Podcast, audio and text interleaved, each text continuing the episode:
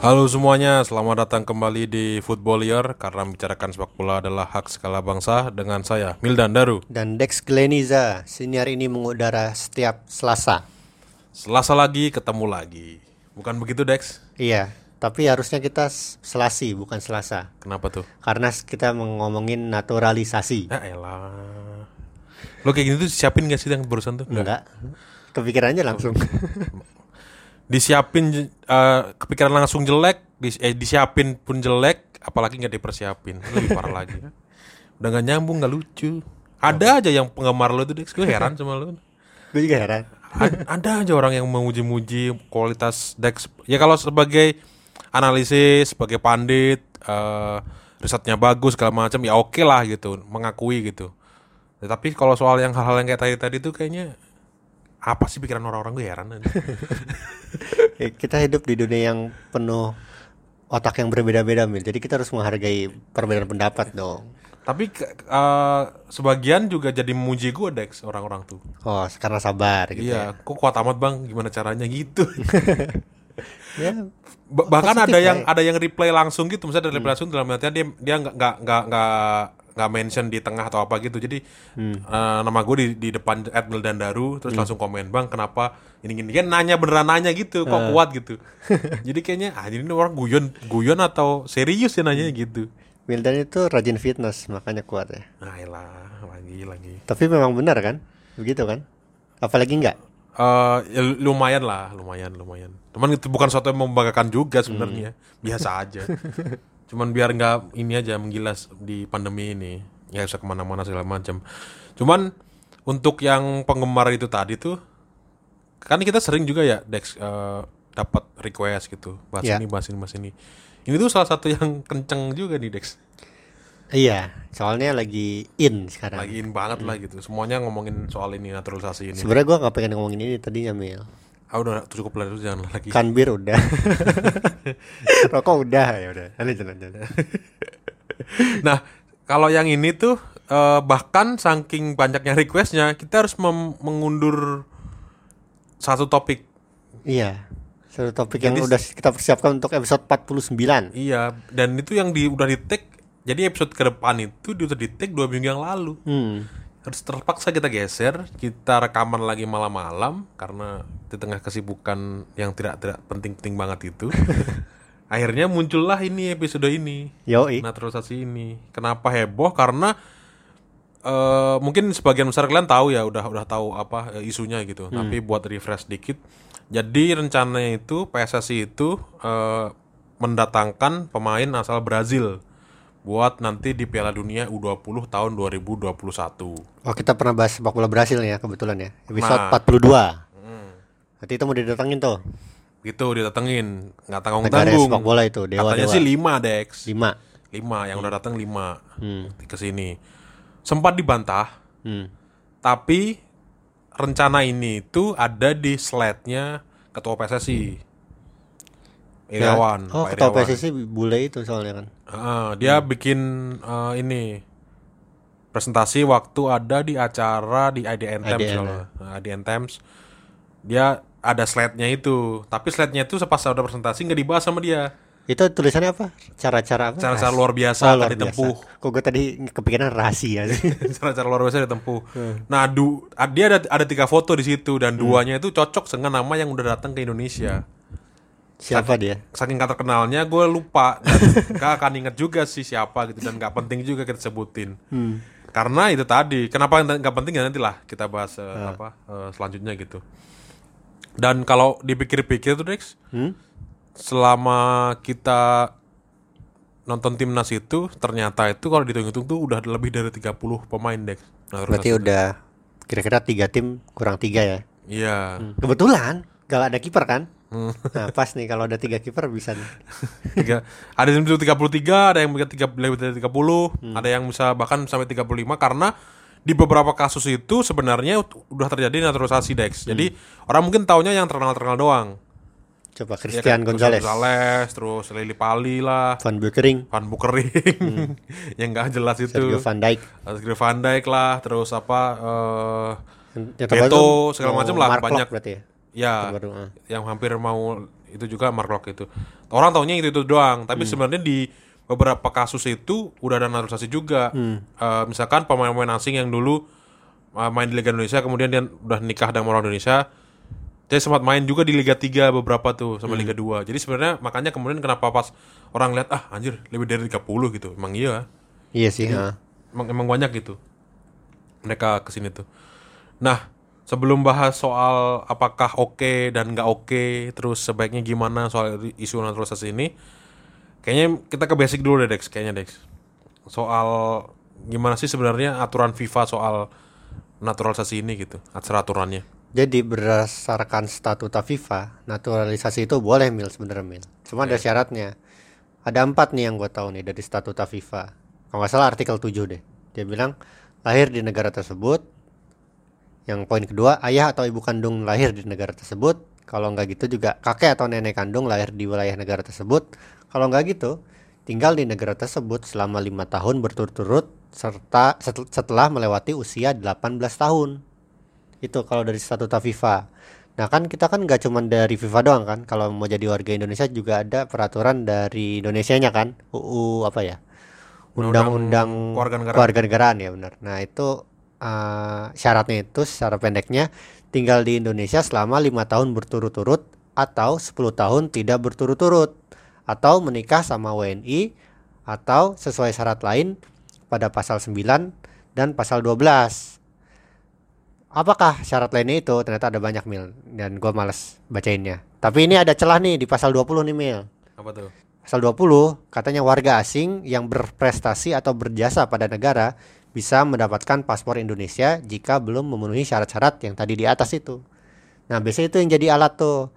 Suka dipakai buat ya udah kita kan butuh atlet berprestasi. Dia kayaknya udah berjasa untuk Indonesia. Makanya dipercepat bisalah kayak gitu. Cara-cara yang tadi pasal 20 itu. Nah, biasanya sebelumnya ini naturalisasi naturalisasi itu jadi akal-akalan klub buat registrasi pemain. Soal pembatasan pemain asing kan. Kita kan suka ada tuh. Nah, ini gue mau nanya nih Mil sama lo Mil. Kalau pemain asing itu kan suka dibatasin ya di liga ya. Ya. Mungkin tiga pemain, empat pemain gitu. Bahkan gak di Indonesia doang. Nah, tapi kalau di Indonesia perlukah karena kita udah banyak 30 tadi kan pemain asing yang di, na- lebih dinaturalisasi. dari 30 Nah, perlukah kita ada aturan juga soal pemain naturalisasi? Misalkan pemain natur- naturalisasi dibatasin lah tiga aja gitu atau empat atau berapa? Nah, ini pandangan gue soalnya gini. Eh, apakah kita mau membeda-bedakan pemain naturalisasi itu kita anggap sebagai pemain Indonesia atau pemain luar yang jadi pemain Indonesia gitu? Jadi kita kayak apa rasis sebenarnya atau gimana? Diskriminasi bukan rasis sih, sorry. Kalau dari gue sih sebenarnya agak susah ya aturan ini buat untuk dibuat ya karena di banyak negara nih gue gue belum tahu sih belum belum nemu kayaknya ya entah ada apa enggak ya soal aturan ini tapi ya secara administrasi dokumen di kertas sebenarnya dia ya udah dia orang Indonesia aja sebenarnya ya gitu. Hmm. jadi kalaupun ada aturan itu mungkin itu ada aturan luar biasa aja. Kayak kebijakan-kebijakan khusus dari entah dari ketua PSSI apa segala macam itu. Tapi ide itu juga bisa dipertimbangkan juga sih Des kalau menurut, menurut gue sih. Kenapa nggak kepikiran ya gitu ibaratnya? Ya Ide maksimal satu lah misalkan gitu. Regulasi pemain naturalisasi berarti. Hmm, karena ya berbahaya juga kan kalau tiba-tiba dia mendatangkan semua pemain naturalisasi. Karena ada celah tadi yang lo bilang tadi kan, celah di undang-undang kan bilang kalau ya meskipun dia nggak tinggal lima tahun berturut-turut atau enggak dia nggak tinggal selama akumulasi 10 tahun, tapi dia dianggap berjasa gitu. Dan dianggap berjasa kan ini kan siapa yang menganggapnya gitu kan Iya ibaratnya nggak- gitu. nggak ada acuan jelas. Heeh, kuat-kuatan sponsor kasarnya gitu ibaratnya ya Iya, heeh, benar. eh, sponsor tuh ya nggak bukan berarti kotor uang atau segala macem tapi sponsor tuh bisa jadi juga perjuangannya untuk itu gitu melobi ini melobi itu presentasi ke sini presentasi ke situ nah itu yang butuh biaya sebenarnya karena butuh tenaga kan nah itu yang kemudian klub kadang rela untuk mengeluarkan uang dengan jadi tanda kutip sponsor tadi karena dia dapat keuntungan dia dapat pemain dengan kualitas asing tapi nggak mengurangi jatah pemain lokal Berarti lo nggak memungkiri bahwa pemain asing itu lebih berkualitas daripada daripada pemain lokal. oh iya ya kalau nggak kenapa klub-klub mau bayar mahal kan Ya gue setuju juga sih pemain pemain naturalisasi. Ya awalnya karena pemain asing jadi ya perlu diregulasi juga. Sebenarnya mungkin ada solusinya kali ya. Jadi kalau gue lihat sih ini untuk ini ya untuk peraturan ya. Klub itu jangan terlalu ambisius lah mil. Nah, kalau kompetisi Jadi jangan sampai ngelupain ngembangin pemain lokal. Habisnya kan kalau kita lihat klub-klub di Indonesia tiap awal tahun seperti yang lo bilang di episode kapan ya? Uh, apa awal awal tahun pasti targetnya tuh juara juara juara gitu. Hmm. 18 klub semuanya targetnya juara. Ya gimana nggak ambisius. Makanya cara-cara luar biasa itu dipakailah sama mereka. Menurut lo gimana solusi itu? Ya jangan ambisius banget lah gitu. Ya ini bu- bukan bukan soal tidak boleh ambisi sebenarnya ya Hmm. gitu. Cuman ya karena caranya aja yang tadi. Realistis lah ya. Gitu. Ah dan dan kalau jadi gue nggak setuju terhadap naturalisasinya sih, bukan terhadap ambisinya sebenarnya ya. Kalau Hmm. Oh, ambisi iya, ya iya. udah nggak apa-apa lah, ambisi nggak apa gitu. Tapi cara-cara naturalisasi tadi kayaknya yang ya kayaknya harus agak ditertibkan lah gitu bahasanya tanda kutip. Nah gitu itu kan kalau dari klub ya. Hmm. Kedua juga solusinya mungkin dari operator liga juga sih untuk memperketat syarat penggunaan pemain asing dan pemain naturalisasi seperti yang tadi kita udah bilang. Nah makanya gue sebenarnya agak senang juga waktu uh, kita punya Elite Pro Academy itu kan soalnya ngembangin pemain muda banget kan. Ya. Nah itu mungkin bisa mengurangi lah kita naturalisasi karena kita udah membina pemain dengan baik dan benar meskipun dipaksakan gitu Mil kalau dari syarat dan juga apa ya yang terjadi di liga kita lah Tapi menurut lo kenapa sih sampai orang-orang tuh atau negara-negara itu sampai dengan susah payahnya gitu menaturalisasi menurut lo? soalnya itu pendeknya sih ya buat buat prestasi jangka pendek sih kalau contohnya itu dari Singapura kali ya yang mereka kan berhasil juara AFF dua dua kali dengan dominasi pemain asing kan tuh lo inget kayak Itimi Dixon, Anggu Anggu Kasmir, Kasmir. Nah, Heeh. siapa lagi ya? Bennett, Bennett. Bennett yang backnya itu Daniel Bennett Nah, itu tahun 2004 baru empat kalau nggak salah. ya. Terus juga Alexander Duric ya kalau nggak salah ya. Terus ada dua pemain dari Tiongkok. Aku gua lupa tuh kalau Durik tuh. Kalau yang Tiongkok tuh yang Kiuli Kiuli apa sih itu kalau nggak Kiuli salah. Ya, itu itu yang gue inget itu sih. Kyuli Bali. bukan, Oh, dong. Tahun tahun berapa itu? 2012 kalau nggak salah. 2012 ya. Nah, AFF. Nah, mereka Singapura itu bisa juara AFF kan banyak pemain-pemain naturalisasi kan. Tapi habis itu habis mereka kalau nggak salah setelah itu pernah bilang ya udah kita nggak pakai lagi, prestasi jeblok habis itu. Gue lupa tahun berapa ya AFF ya. So, habis dua tahun sekali sih, sering banget. Nah kalau untuk Indonesia, Edi Rahmayadi kan pernah bilang di 2017 pas dia naturalisasi siapa Beto ya kalau nggak salah waktu itu ya. Dia bilang kalau dua tahun ke depan masih pakai naturalisasi, silakan anda tegur saya. Tapi untuk sekarang target saya itu SEA Games 2017 Indonesia juara. Dia bilang gitu. Nah target jangka pendek makanya harus naturalisasi naturalisasi aja lah. Ini yang paling gampang. Gue sih setuju. Itu yang pertama jadi. Kenapa naturalisasi jangka pendek? Untuk untuk target jangka pendek oke menurut lo. Nah, Ah. Nah, yang kedua, eh, secara alamiah seperti yang dibahas di episode 5, kita kan punya keunggulan gen-gen ya. Menurut gua bukannya Indonesia nggak bagus di bola sih. Cuman kalau kita spesifik nggak unggulnya tuh di posisi-posisi tertentu. Kayak misalkan pemain pertama yang kita tahu dinaturalisasi kan sebenarnya Christian Gonzalez kan yang umumnya kita tahu kan. Hmm. Sebenarnya sebelumnya ada Nol van der Wijn apa nggak salah. Nah, Christian Gonzalez itu kan penyerang. Di saat itu kita nggak punya penyerang bagus ya soalnya kan. Ya karena eh, klub-klub juga strikernya selalu Asing semua. asing semua gitu. Sul- sulit. Terus juga eh abis itu ternyata abis penyerang kita udah dapat Christian Gonzalez, abis itu dapat siapa lagi? Kok gue lupa ya. Terus kita langsung naturalisasi lagi nih. Kayaknya back tengah juga butuh deh. Kayak Bio Paulin gue ingat Bio Paulin soalnya jago banget. Hmm. Tapi setelah dinaturalisasi kok biasa aja.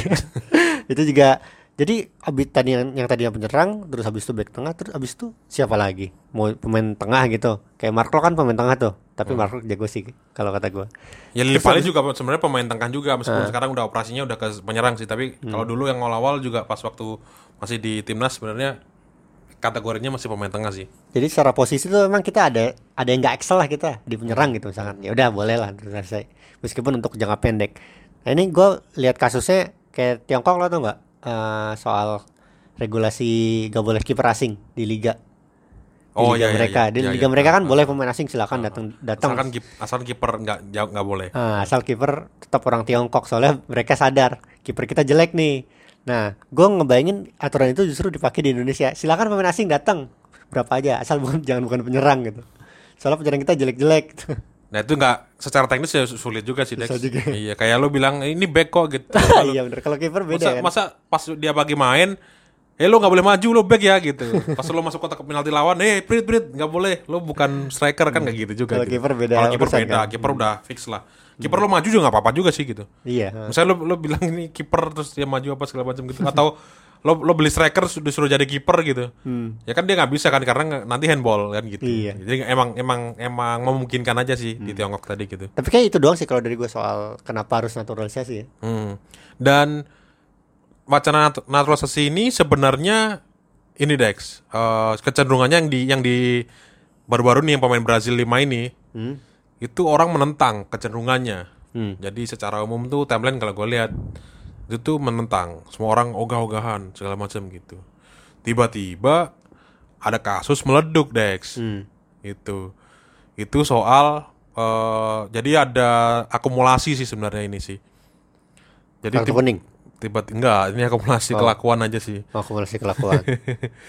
jadi masih ingat dulu nggak yang kasus eh, Mini Cooper Oh, ada tahu. pemain membelikan eh, apa kekasihnya Mini, Cooper, Cooper, nah.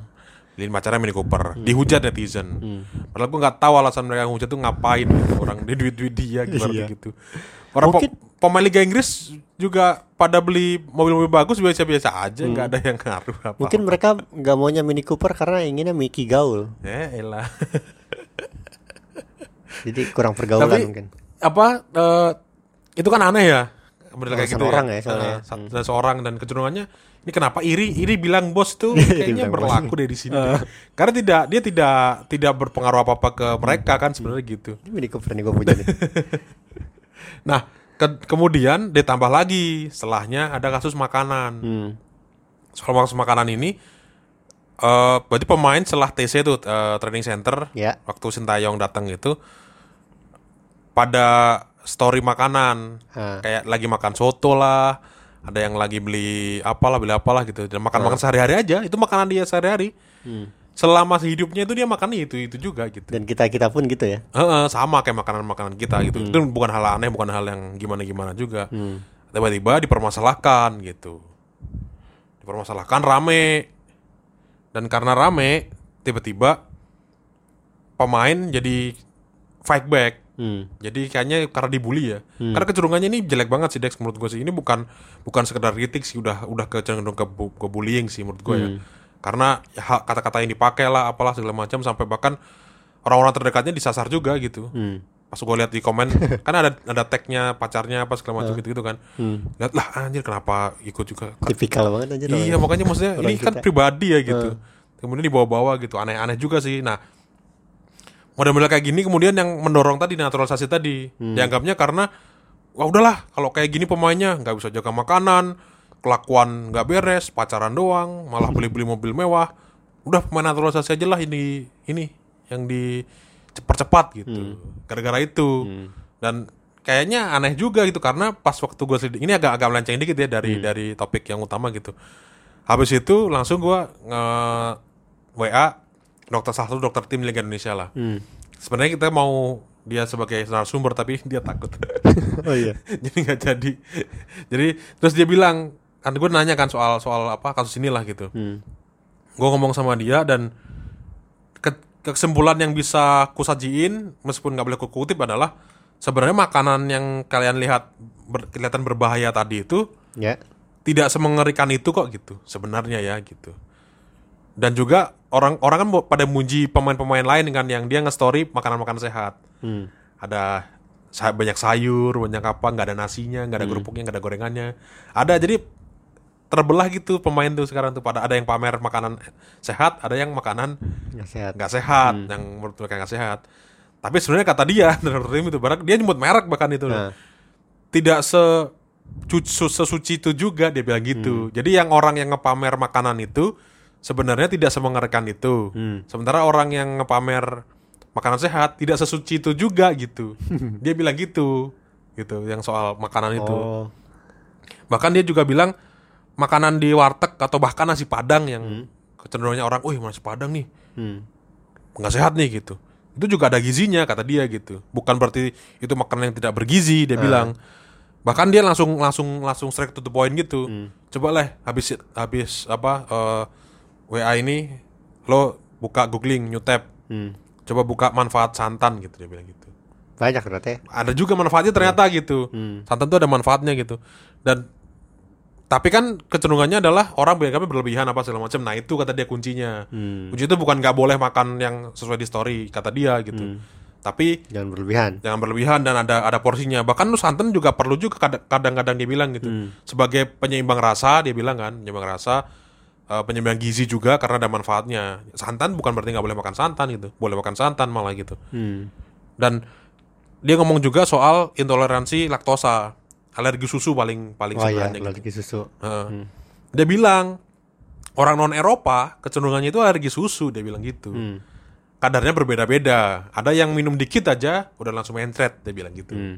Ada yang harus dua dua kotak dulu kalau kita dikotakin misalkan gitu. Hmm. Dua kotak susu baru dia mencret. Hmm. Tapi secara umum kata dia orang non Eropa termasuk Indonesia itu alergi susu. Jadi ketika komen-komen netizen bilang minumnya jangan itu dong, minum susu dong gitu. Emang nggak cocok. gitu. Emang nggak cocok bahkan gitu. Di beberapa beberapa aspek bahkan dia bilang lebih baik dia tidak minum susu daripada minum susu. Justru kayak gitu. Nah tapi kebutuhan proteinnya gimana segala macam ya diganti dengan yang lain, Yang lain gitu. kayak susu entah susu kedelai terus atau misalkan dari apa namanya eh, daging segala macam gitu. Tahu tempe juga ada gitu. Gitu sih kayaknya dan kecenderungannya kayaknya kalau ngomongin makanan sehat makanan sehatan juga orang bilangnya western food kan Hmm. harus makan kentang harus makan daging harus makan itu gitu. Iya, iya. padahal itu bukan makanan sehari-hari juga gitu Kalau nggak ini apa namanya? Kok gue lupa sih. Yang makanan-makanan butiran-butiran itu. apa tuh Aku lupa namanya chia seed apa. oh lu nggak lupa gue. kayak itulah pokoknya makanan yang dianggap western tuh dianggapnya eh, makanan sehat gitu padahal nggak juga gitu karena kecenderungan dia bilang juga kalau kecenderungannya itu eh kenapa orang cari ter- cari ter- cara termudah untuk cari western food karena researchnya emang dari sana dari barat kebanyakan. Makanya rekomendasi rekomendasi makanan kecenderungannya kayak seolah-olah dari barat. Padahal makanan makanan Indonesia dia bilang nggak kalah gizinya juga gitu. Gitu sih. Dan apa kayak makanan gitu misalkan si Sadio Mane Ya. kan orang-orang Senegal ya. Nah. di Liverpool dia punya koki khusus chef khusus Oh iya. Iya, karena dia nggak nggak nggak sesuai sama Nggak makanan cocok ya? eh, nggak cocok gitu, ibaratnya gitu. Tapi tetap dia hire chef dan chefnya itu yang di hire dia itu Hmm. rekomendasi dari chefnya Liverpool.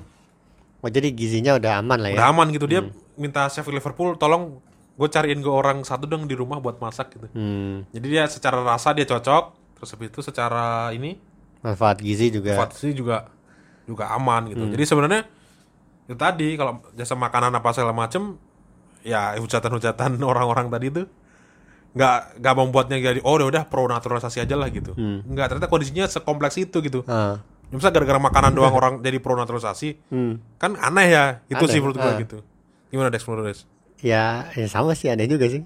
ya maksudnya eh, kalau kita bilang makanan Indonesia itu nggak sehat juga nggak bisa digeneralisasi. Terus juga kalau gue bilang tergantung pola latihan juga.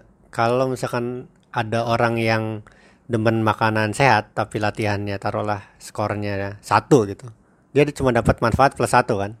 Tapi kalau dia makanan yang nggak sehat, taruhlah itu minus dua jadinya kalau diskorin gitu. Tapi dia latihannya getol banget, jadi bisa plus 4 Jadi dia bisa dapat akumulasinya plus 2 kan.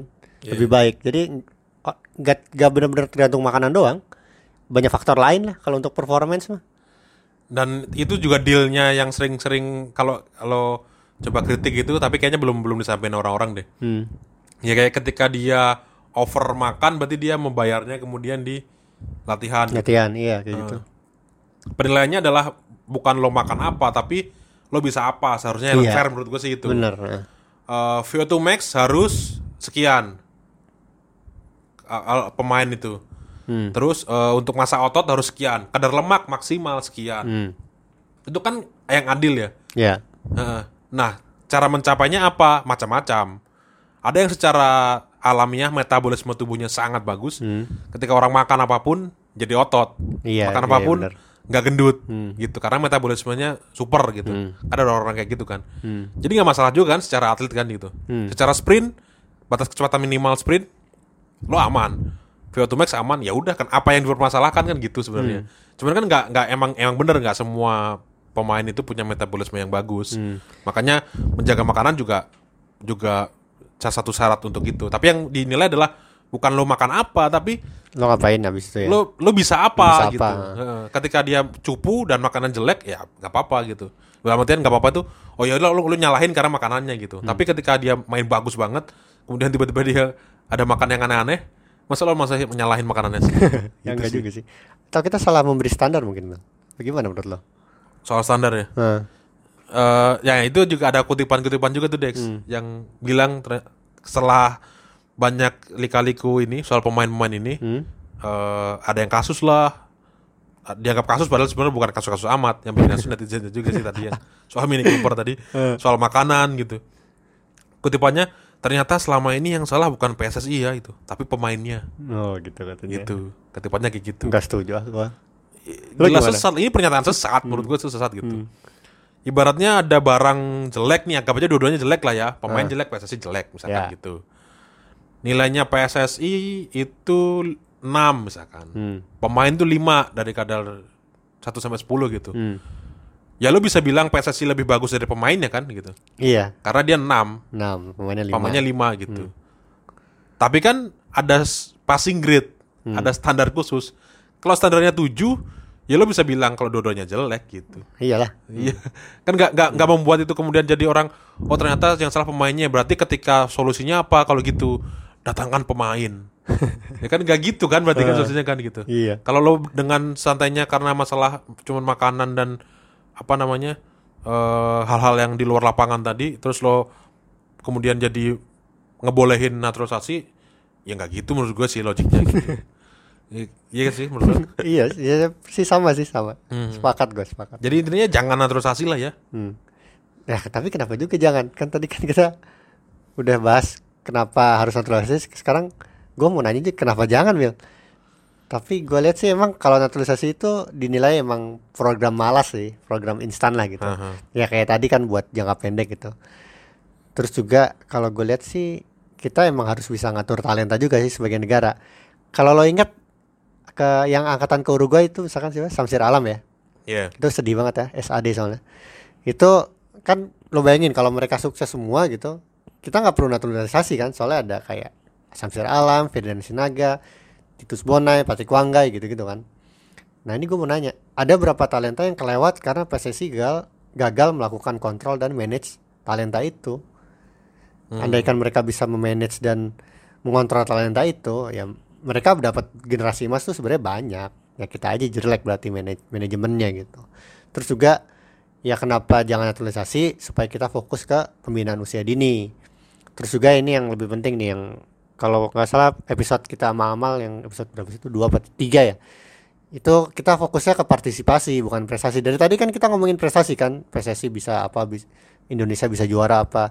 Ini gua soalnya uh, ingat sampai ada impres ya mil. In, instruksi presiden nomor 3 tahun 2019 soal percepatan prestasi sepak bola Indonesia. Di situ pemerintah ikut campur banget ke prestasi timnas gitu. Padahal menurut gua yang harus dibenahi ya grassrootsnya gi- gimana orang-orang bisa main bola dengan dengan baik gitu di di usia-usia kayak kita usia-usia anak-anak usia-usia tua juga lapangan-lapangan ada banyak ya habis itu prestasi bakal mengikuti gitu sih kalau kata gua Lagian Indonesia lolos Piala Dunia U20 itu kan karena bonus tuan rumah ya. iya jadi tuan rumah Kenapa Indonesia main itu bukan karena dia jago.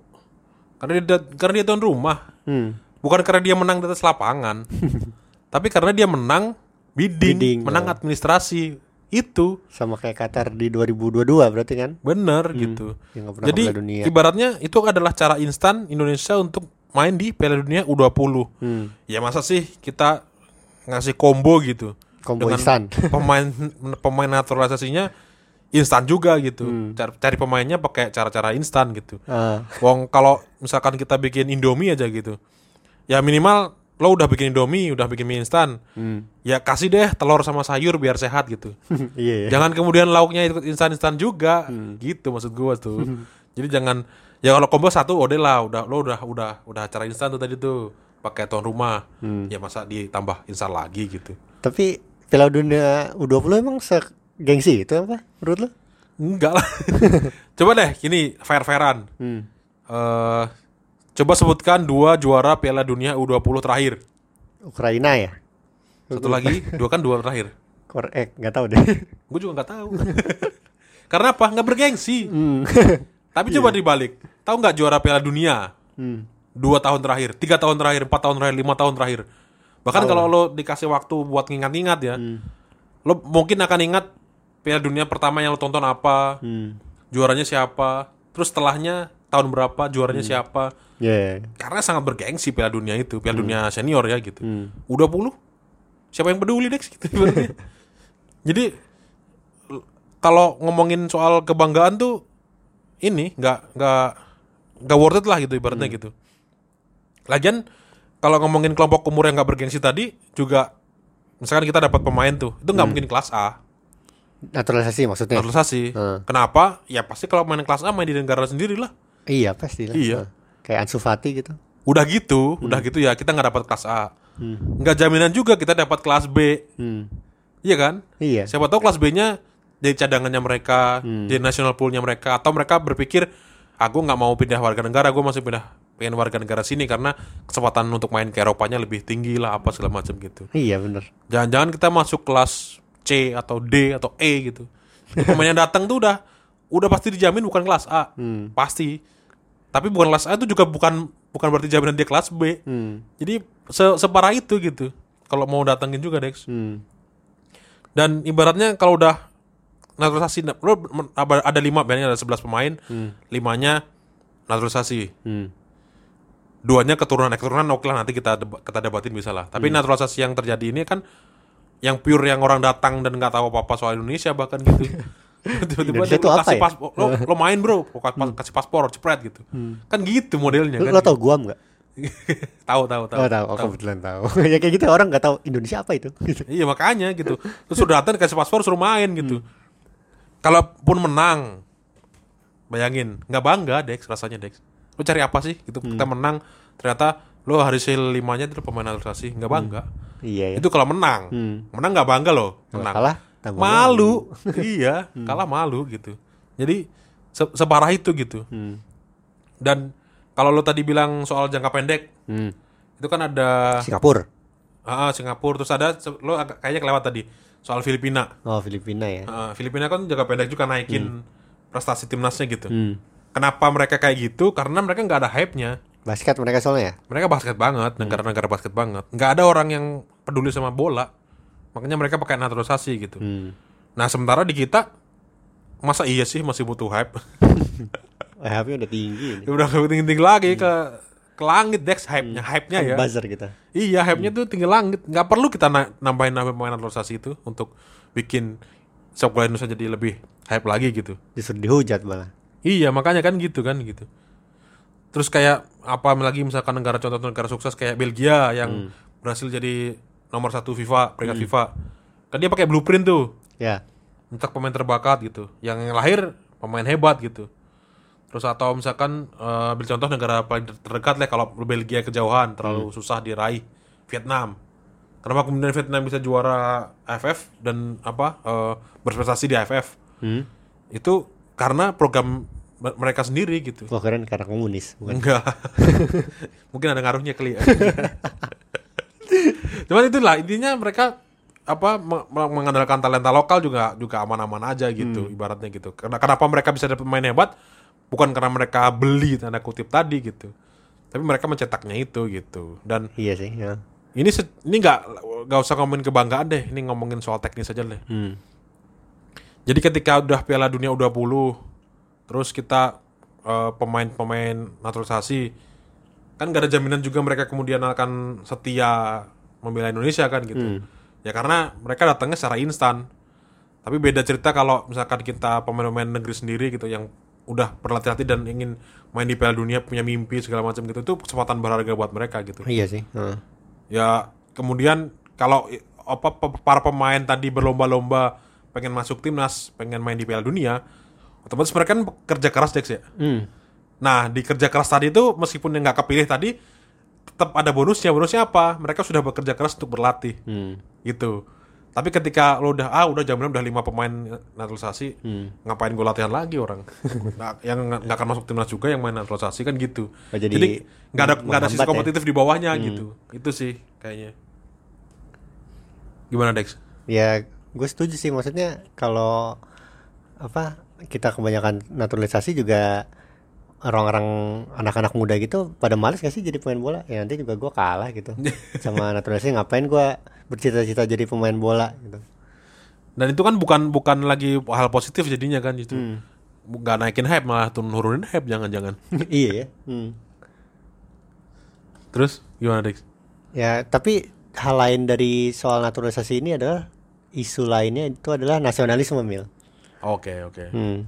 Jadi orang bilang kan jangan naturalisasi nanti ya persis yang tadi lo bilang nanti kita gak bangga gitu. Jadi kita masih masih membangga banggakan orang pribumi apa gimana nih? Kalau ada ada istilah itu ya pribumi atau apa gitu. Nah, kalau menurut gue sih kalau nasionalisme ini dulu ya, memang kan dipupuknya kan pakai konflik kan, kayak ada perang gitu. Ya sekarang ya lewat acara-acara olahraga sih, ya makanya atlet kan relevan terus kan disebut sebagai pahlawan negara kan. Nah masalahnya perlombaan olahraga antar negara ini kan gak seimbang. Karena ya seperti yang kita udah bahas di episode 5 ya udah jauh banget episode 5 ya. Kita udah 49 sekarang. Episode 5 itu apa beberapa ras kan unggul di cabur-cabur tertentu kan. Itulah kenapa ada naturalisasi buat level the playing field lah istilahnya untuk biar seimbang gitu uh, level permainannya. Nah ternyata ada penelitiannya nih. Meski rata-rata para atlet naturalisasi itu nggak jago dari perspektif negara asal mereka yang tadi lo bilang kelas kita dapat kelas C, kelas D gitu ya. Tapi ternyata gue mau ada kontradiktifnya nih Mil. Katanya banyak penelitian yang menunjukkan performa sebuah negara justru menanjak setelah mereka melakukan naturalisasi.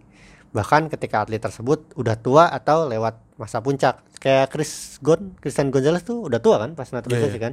Ya itu karena ini sih Dex kayaknya ya karena negara yang dituju pemain naturalisasi tersebut timpang kan jelek, gitu. ah. Emang jelek aja gitu. Jelek ada pemain bagus ya pasti pasti bagus. Nah, pemain Otomatis di, lah itu mah, nggak usah- nggak usah di di- sana ya di sini yang jelek mah pasti jadi bagus kan. Iya, di sana kelas D, di sini jadi kelas, Kelas A, kan A. gitu kan. Nah itu itu juga terjadi bukan di bola doang sih tapi di cabur lain. Terus juga ada penelitiannya da- dari Hamburg Institute of International Economics dari ekonomi nih berarti. Katanya naturalisasi bisa menguntungkan atlet dan juga negara. Karena kebanyakan yang dinaturalisasi adalah mereka yang datang dari negara yang lebih miskin. Ini kasusnya nih kalau nggak salah banyak dari Afrika deh. Jadi menguntungkan lah buat buat si atlet dan juga buat negaranya katanya. Nah kemudian gue bertanya apakah konsep nasionalisme itu udah usang kalau kayak gitu? Karena sekarang atlet-atlet mungkin ya udahlah pindah-pindah gitu, pindah-pindah klub sih masih mending lah ini pindah-pindah negara gitu. Apa mereka nggak bangga sama negara mereka sendiri gitu? Nah ini dari penelitian dari Universitas di Ghana sebaliknya bilang banyak atlet Afrika yang justru pengen dinaturalisasi sama negara lain, terutama sama Prancis. Soalnya mer- mereka bilang kayak itu naikin level mereka lah gitu, naik selain naikin ekonomi juga. Jadi menurut gua kesimpulannya sih naturalisasi atlet itu tuh bukan hal yang baik atau buruk sih. Tetapi lebih ke respon terhadap perkembangan dunia yang mulai kurang peduli sama isu nasionalisme. Jadi nasionalisme udah usang tadi kan seperti yang gue bilang. Nah ini juga didukung sama survei dari Western Union tahun 2017 meskipun udah lama ya yang melibatkan lebih dari 10.000 milenial milenial itu berarti ta- kelahiran 80 80 sampai 9 berapa, 95 lah. 95 lah ya. Itu dari 15 negara termasuk salah satu Indonesia. Surveinya katanya hasilnya 57% dari mereka mendefinisikan diri sebagai warga global, bukan warga dari suatu negara tertentu. Terus 88% dari mereka menganggap negara-negara harus mulai berkolaborasi alih-alih berkompetisi. Sementara 79% berpendapat konsep nasionalisme bisa menghalangi mereka. Kayak gitu, Mil. Tapi tetap meskipun kayak gitu kan apa realita di lapangannya sebenarnya eh, ketika lo penggemar sepak bola Hmm. dan lo ngerasa kalau lo lo pasti pengen ada sisi mewakilinya gitu. Hmm. Perwakilan lo di lapangan tadi tuh siapa gitu. Hmm. Eh, ada yang bilang, "Ah, gue mah penonton netral gitu." Hmm. kadang nggak netral amat sebenarnya dia gitu meskipun dua tim yang ditontonnya lo niat, niat buat nonton itu final Liga Champions 2019-2020 ada harapan oh gue mah mendingan Bayern yang juara deh atau PSG juara meskipun lo bukan fans keduanya kan gitu Iya, iya benar. Tapi akan lebih asik lagi ketika lo punya jagoannya gitu misalkan klub ya udah lo ada Bayern mania ya lo jagoin Bayern gitu ketika kalah lo sedih ketika menang lo bahagia gitu Ya seperti bentuk supporter ya, aktualisasi Ah, diri. Hmm. Itu kan nggak nggak ada nasionalismenya karena dan bukan ke daerahan juga. Bayern Hmm. itu kan ada di Jerman sana gitu. nah tapi untuk di sepak bola eh, meskipun konsep nasionalisme secara umumnya tadi udah usang, tapi rasa memilikinya tadi itu masih ada Dex gitu. Bahkan bisa li- tadi lintas negara juga.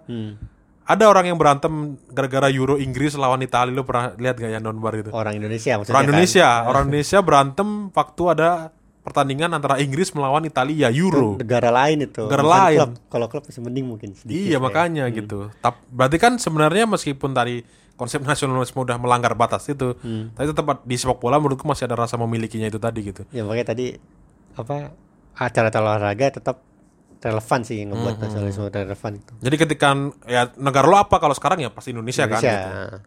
Apa kalau bangga ketika Indonesia menang ya masih bangga, Hmm. masih senang. Ketika Indonesia sukses masih senang ya masih senang gitu. Hmm. Itu sih. Jadi ya sebenarnya masih masih relevan lah kalau gue ya buat Hmm. Di sepak bola sih. Kalau soal nasionalisme ini gue inget Timo Senuman sih. Soalnya ya dia kayak dia udah lama di Indonesia ya Iya ya. sebenarnya. Dia dia kan bilang cinta-cinta Indonesia gitu kan. Tapi warga negaranya sebenarnya masih Jerman kalau Hmm. Nggak- tidak melepas. Itu itu contoh yang sering Apa? sering di ini nih sebenarnya tuh. Tapi nggak tahu nah, orang-orang yang dengerin nggak ya. Tapi biasanya biasanya ada yang mention tuh biasanya tuh. Tapi gue lupa ngobrol sama siapa ya. Yang saya yang dia bilang eh, soal nasionalisme segala macam gitu. Coba lo tanya deh kalau ketemu nanti dia bilang gitu. Ke Timo, kenapa dia meskipun eh, sangat membantu Indonesia segala macam gitu-gitu, tapi dia tetap tidak mau melepas warga negara Jermannya gitu. Ya nggak tahu kita kan gitu. Eh, ya, tapi soalnya gue kenapa inget Timo soalnya anaknya dikabarkan ini kan naturalisasi kan Mhm. supaya bisa main buat timnas gitu ya gue rasa sih soalnya nggak ada urgensinya sih Hmm. ya kita sama sekarang kalau ngomongin pemain sama pelatih gitu. Kita pelatih asing udah banyak kan? Apa kita perlu men- menaturalisasi? Nggak perlu kan ya pelatih asing pun bisa bisa ini bisa apa membela Indonesia di di timnas kita gitu Hmm. sebagai pelatih. Nah kalau menurut gue sih naturalisasi itu sebenarnya oke oke aja sih Mil. Cuman emang harus disusul keberhasilan jangka pendek misalnya ya kayak juara Piala AFF kayak gitu atau juara SEA Games, Asian Games gitu. Dan juga abis itu dibarengi pembinaan jangka panjang. Yang kayaknya kalau pembinaan tuh butuh duit sama waktu kan. Jadi bakal panjang lah gitu. Nggak kayak tadi jangka pendek. Kecuali ya Indonesia mau terus-terusan naturalisasi. Nah, kalau salah satu dari dua target itu, target jangka pendek ataupun jangka panjang itu nggak tercapai, nah kita harus kritis mil harus mulai mempertanyakan lah untuk apa sih sebenarnya naturalisasi ini di Indonesia? Kenapa dilakukan terus gitu. Jangan-jangan emang cuman buat kakalin peraturan pemain asing doang. Kalau beneran gitu kalau menurut gua apa nggak mending naturalisasi pengurusnya aja ya? Gitu kan udah kan ya. Ketua PSSI kita kan bule. oh iya ini juga yang mainstream juga kan udah naturalisasi pengurusnya aja gitu Eh, udah udah ada PSSI kita bule kok. nah cuman gimana? untuk pengurus-pengurus kayak gitu sebenarnya ya oke juga sih orang yang qualified dan gue sih nggak peduli ya isu soal ditangani oleh orang asing nggak Orang peduli. asing, ya. Kalau pelatih kita pelatih asing, iya bener iya kan. mau mendaki-daki kayak gimana-gimana kita juga. prestasi apa 91 juara SEA Games pelatih asing Iya makanya butuh orang asing ya udah gitu nggak apa-apa juga sebenarnya. Apalagi kalau misal pengurus tuh dalam artian kok posisi-posisi strategis misalkan direktur kompetisinya eh, apa misalkan dari sekjennya lah terus atau direktur tekniknya. Nah kalau direktur teknik gua ada contohnya nih. Eh, Malaysia lo tau nggak? Direktur tekniknya itu namanya itu Peter Deru. Orang mana tuh dia? Orang Belanda. Orang Belanda. Jadi dia direktur Malaysia dia ya sebenarnya Malaysia prestasinya lumayan oke lah di dia. Jadi perak SEA Games 2017 runner up AFF U19 2017 runner up AFF lagi 2018 peringkat 3 AFF U16 nah tapi pernah juara AFF U16 2019 si Peter Deru ini di di Malaysia dia dirtek cuman ada kasus gagal juga dirtek juga di Singapura ya si Peter Sablon itu yang pernah kita bahas. Oh iya, iya. di episode episode apa ya? PSSI ya? Episode 40 kalau salah ya berarti nggak ya berarti nggak jaminan juga kan? Nggak jaminan juga. Ya, karena sepak bola kompleks nggak nggak sederhana itu kok gitu. Cuman gue sih pernah dapat eh, kasus lain dari ini sih. Pernah ngobrol sama pengurus gue lupa pengurus GBK zaman dulu. Sekarang sih udah udah nggak ngurusin lagi. Dia bilang dulu kan gue tesis gue kan tentang studi stadion ya. Kenapa stadion-stadion di Indonesia tuh nggak bisa maju? Karena pengurus-pengurusnya masih mentalnya Indonesia banget yang ya udah stadion cuma buat olahraga doang. Dulu kita lagi rame soalnya yang pas apa? One Direction kan Iya. yang mau konser di GBK Tapi itu se- se- setelahnya ada pertandingan sepak bola, Ah, rumputnya rusak. Jangan rumput rusak. Nah, katanya kalau stadion-stadion di luar tuh yang kayak gitu tuh ya wajar-wajar aja. Soalnya pengurus-pengurus orang luar tuh biasanya tahu stadion tuh harus tetap hidup gimana caranya. Disewain lah, tempat parkirnya dijadiin tempat parkir umum, ruang-ruangannya bisa dijadiin apa namanya pameran-pameran gitu. Terus habis itu gua habis hasil ngobrol gitu gua laporin ke dosen pembimbing gua yang sekarang jadi staf susnya Iwan Bule ternyata. Oh gitu. nah dia bilang bener Dex katanya. Kamu tahu di Eropa kan ada Schengen kan? Yang Uni Eropa tuh udah bebas sekarang. Lo kalau udah warga Uni Eropa mau lo mau ke Belanda mau ke Belgia mau ke Prancis ya bebas aja masuk. Nah di ASEAN tuh ada wacana juga MEA masyarakat ekonomi ASEAN. Nah, dia bilang itu kalau beneran dijalanin kita bakal kedatangan orang-orang asing tuh. Pasti bisa jadi jadi bos-bos kita tan ngurusin bola kita ngurusin stadion ngurusin mall atau ngurusin apa pun lah ekonomi pokoknya. Nah itu buruknya memang sih kita jadi dikontrol asing kan. Mau aja dibosin sama orang-orang asing gitu. Cuman si pak eh, dosen gue bilang tapi kita jadi bisa belajar sih dari orang-orang asing itu. Makanya negara yang maju tuh biasanya yang membuka diri dia bilang gitu. Ya gue sih karena jadi muridnya gue setuju-setuju aja. Oh gitu ya. Karena gue belum merasakannya. Kalau lihat Uni Eropa ya gue lihat emang maju ya gara-gara itu sih mungkin apa gara-gara beradab dan berpendidikan juga gue nggak tahu juga sih Tap- Tapi yang apa eh, pemain tadi sebenarnya kalau kondisi sekarang itu kasihan juga sih Dex pemain-pemain Indonesia sekarang. Babak belur ibaratnya gitu. di ini dibully maksudnya Eh, di semuanya babak belur semuanya. Jadi di lapangan mereka kalah saing, Hmm. kena gusur sama pemain naturalisasi, terus di luar lapangan kena gulung sama netizen. kan kasihan gitu maksudnya. Jadi eh, kondisinya mungkin karena nggak ada liga juga ya, jadi kayaknya oh iya butuh ha- saling hantam apa segala macam gitu. Dan gue sih menganggap eh kepercayaan kepada pemain-pemain Indonesia ini udah ada di tahap kalau di internet ya, itu udah di tahap yang mengkhawatirkan sebenarnya.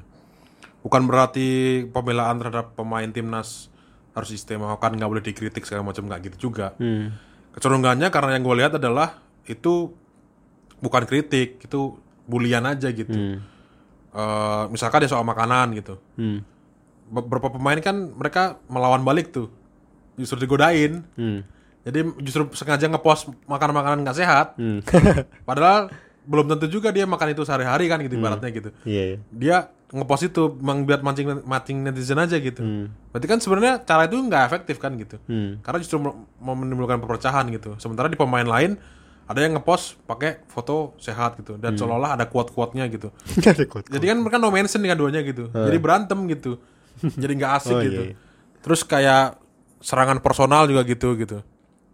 Serangan personalnya ke hal-hal yang pribadi apa segala macam. Udahlah janganlah gitu. Ya saran gue kalau mau kritik ya kritik yang di lapangan aja sih Hmm. gitu.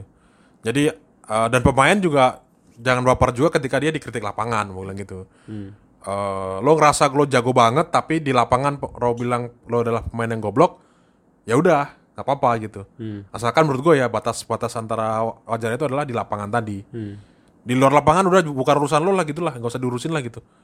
Kecuali dia melanggar hukum, dia merugikan negara, merugikan masyarakat gitu. Ya udah jangan gitu. Masalahnya di 2020 ini di bulan apa nih sekarang Agustus? Ya kita nggak ada nggak ada performa di atas lapangan ya. Iya makanya ya udah yang dinilai itu gitu. Ketika lo jago biarin aja kok. Johan Cruyff itu Rokok. rokok kemudian minum bir setelah dia juara ya udah gitu kan ibaratnya gitu. Tinggal juga kanker paru-paru. ya makanya ketika lo salahin dia gitu ketika, ketika- udah ketika nggak juara aja gitu nggak juara terus lo goblok-goblokin ya udah goblok-goblokin aja menurut gue gitu sih lo hajar-hajar hajar aja gitu tapi ya itu tadi dia pemain bola lo hajarnya di mana? Lo sebagai fans lo main bola. Lo hajarnya di mana? Hajarnya di di bolanya tadi lapangannya tadi gitu. Lo katain ketika dia gagal nendang dia blunder bahkan itu blunder yang dianggap manusiawi terus lo kata-katain nggak apa-apa menurut gue gitu. Tapi lo di luar lapangan ya biarin aja lah gitu. Dan itu kan berjalan secara alami sendiri kok gitu kok gitu. Karena secara makanan tadi yang gue bilang tadi kan yang soal makanan itu hal yang kompleks gitu. Bukan sederhana lo harus makanan bagus apa segala macam gitu gitu makanya kan saran saran gue kan ke yang sempat tweet gue dibahas rame banget tuh di capture di mana-mana. Di capture di mana-mana Dex. Iya, iya. dimasukin Instagram lah di apalah gitu. Yang gue bilang ini saran nih buat para pemain. Hmm. lo mau makan mah makan aja bebas nggak usah pikirin soal netizen gitu. Cuman kalau lagi makan nggak sehat jangan di capture eh sorry jangan dimasukin story. Tapi kalau lagi makan sehat, masukin story. itu aja sih gitu. Karena nanti yang nilai lo kalau lagi gitu udah ujung-ujungnya juga lapangan juga gitu. Percuma lo posting sehat-sehat-sehat, mainnya jelek gitu. ya kan percuma juga gitu berarti. Tapi kan kalau lo mau tenang, hidup tenang gitu segala macam, apa sih susahnya untuk nggak nggak nggak ngepost makanan nggak sehat gitu. Apalagi sekarang juga lagi susah ya, hidup ya. Jangan ditambahin susah lah ya gitu. Aduh gua lagi susah jadi makanan harus makanan sehat mahal lagi gitu. Iya iya. Kecenderungannya juga gitu. Pokoknya gue ngerasa kecenderungannya tuh kecenderungan ke bullying tadi gitu. Ya karena eh, ke, ke- ke- ke- apa ke- kelihatan lah pola-polanya gitu. Manggil-manggil ada hal-hal yang nggak nggak nyambung terus sambungin lagi ke yang lain gitu. Bagus ya pemain ada pemain Liga Champions Eropa lagi apa gitu. Bagus ya nggak kayak si ini misalnya cuma beli Mini Cooper gitu. Nah kan Aneh. aneh kan itu lo nggak nyambung gitu terus dipanggil Lord gitu-gitu gitu kan lo kita semua tahu ya apa anak bola di internet kalau ada pemain dipanggil Lord bukan karena dia jago banget Iya. karena dia aneh dan dibully gitu. Jadi jadi menurut gue itu gak gak oke lah gitu. Makanya apalagi sekarang ada naturalisasi kan gitu. Makanya jangan kemudian lo jadi berpihak untuk ya udah singkirin aja main lokalnya lah main naturalisasi semua lah gitu. Terus apa apa bangganya lo sebagai timnasnya gitu? Itu sih Dex kayaknya Dex. Jadi apa sikap kita nih? Kalau banyak kalau naturalisasi. lo apa soal naturalisasi Kalau gue buat jangka pendek sih gue setuju sebenarnya. Gue selalu setuju karena banyak penelitian Nggak, juga. ini bo- boleh boleh gue gua ini nggak bantah lagi ya Ini gue mau membantah penelitian gue sendiri bahkan. Iya, makanya ya, Nah, ya. tapi itu kan sikap secara umum, tapi pada kenyataannya di atas lapangan mana prestasinya kagak ada. Iya, Jadi gua anggap ya udah nih nggak berlaku lah buat Indonesia lagi gitu. Dan kalaupun prestasi jangka pendek, apa sih misalkan juara Asia, Piala Asia U19 atau juara Piala- juara. Piala Dunia, nggak mungkin juga juara Piala Dunia. Eh, berprestasi di Piala Dunia U20 misalkan gitu. Dua-duanya kan kelompok usia umur ya, kelompok umur ya, di mana tujuan utama kelompok umur adalah soal pembinaan. Hmm. FIFA, AFC bikin liga kelompok umur tuh emang buat pembinaan gitu. Jadi ya masa ada pembinaan lo nggak manfaatin tuh pembinaannya gitu. Hmm.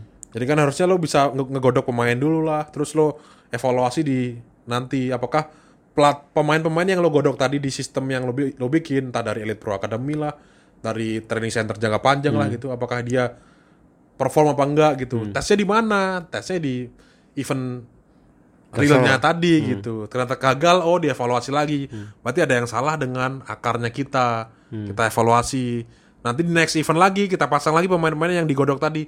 Oh masih gagal lagi, evaluasi lagi kan gitu. Kalau lo berharap nggak masak nih, apa bingung kan gitu-gitu terus tiba-tiba udah beli jadi aja lah gitu ma- makanannya gitu. Ya lo kapan taunya kalau lo jago masak apa enggak kan gitu. Iya. Dan lo nggak nggak akan belajar masak ketika lo beli mulu beli mulu itu sih. Atau kita kan banyak slack-slack sekarang sekarang. Iya nggak sih? Ya Iya, ba- banyak slack antar pemain gitu netizen Iya. itu. Mungkin gara-gara program kita namanya Garuda Slack. ya udahlah, sekian dari kami. Eh, terima kasih sudah mendengarkan. Eh, dari saya Mildan Daru, Dex Lindiza, izin pamit. Dadah. dadah. Ini adalah suara pandit komputer.